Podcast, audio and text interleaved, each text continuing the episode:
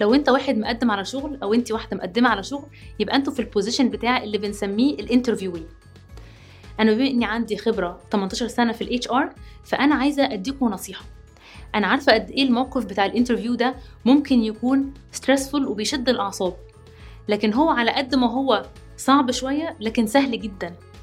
مهم جدا إن أنتوا تشوفوا الصورة من ناحية ال interviewee ومن ناحية ال interviewer كمان.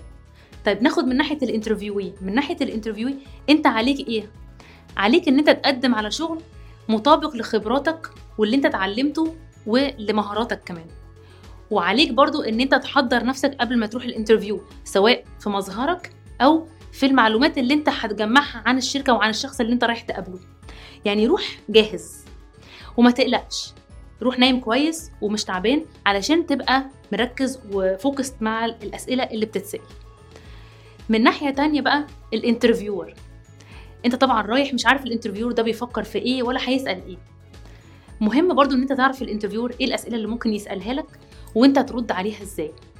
على المنتور dot net هتلاقوا كورسز كتيرة جدا معمولة عن ال interviewing. في course أنا عاملاه اسمه Interviewing Effectively بيكلم ال interviewer لكن هيبين لك برضو لو مهتم عايز تعرف إزاي ال interviewer مثلا آه، بيغير في الأسئلة. إيه الأنواع الأسئلة اللي ممكن يستخدمها وهيسأل عن إيه سواء هو بيكلمك على التليفون أو face to face interview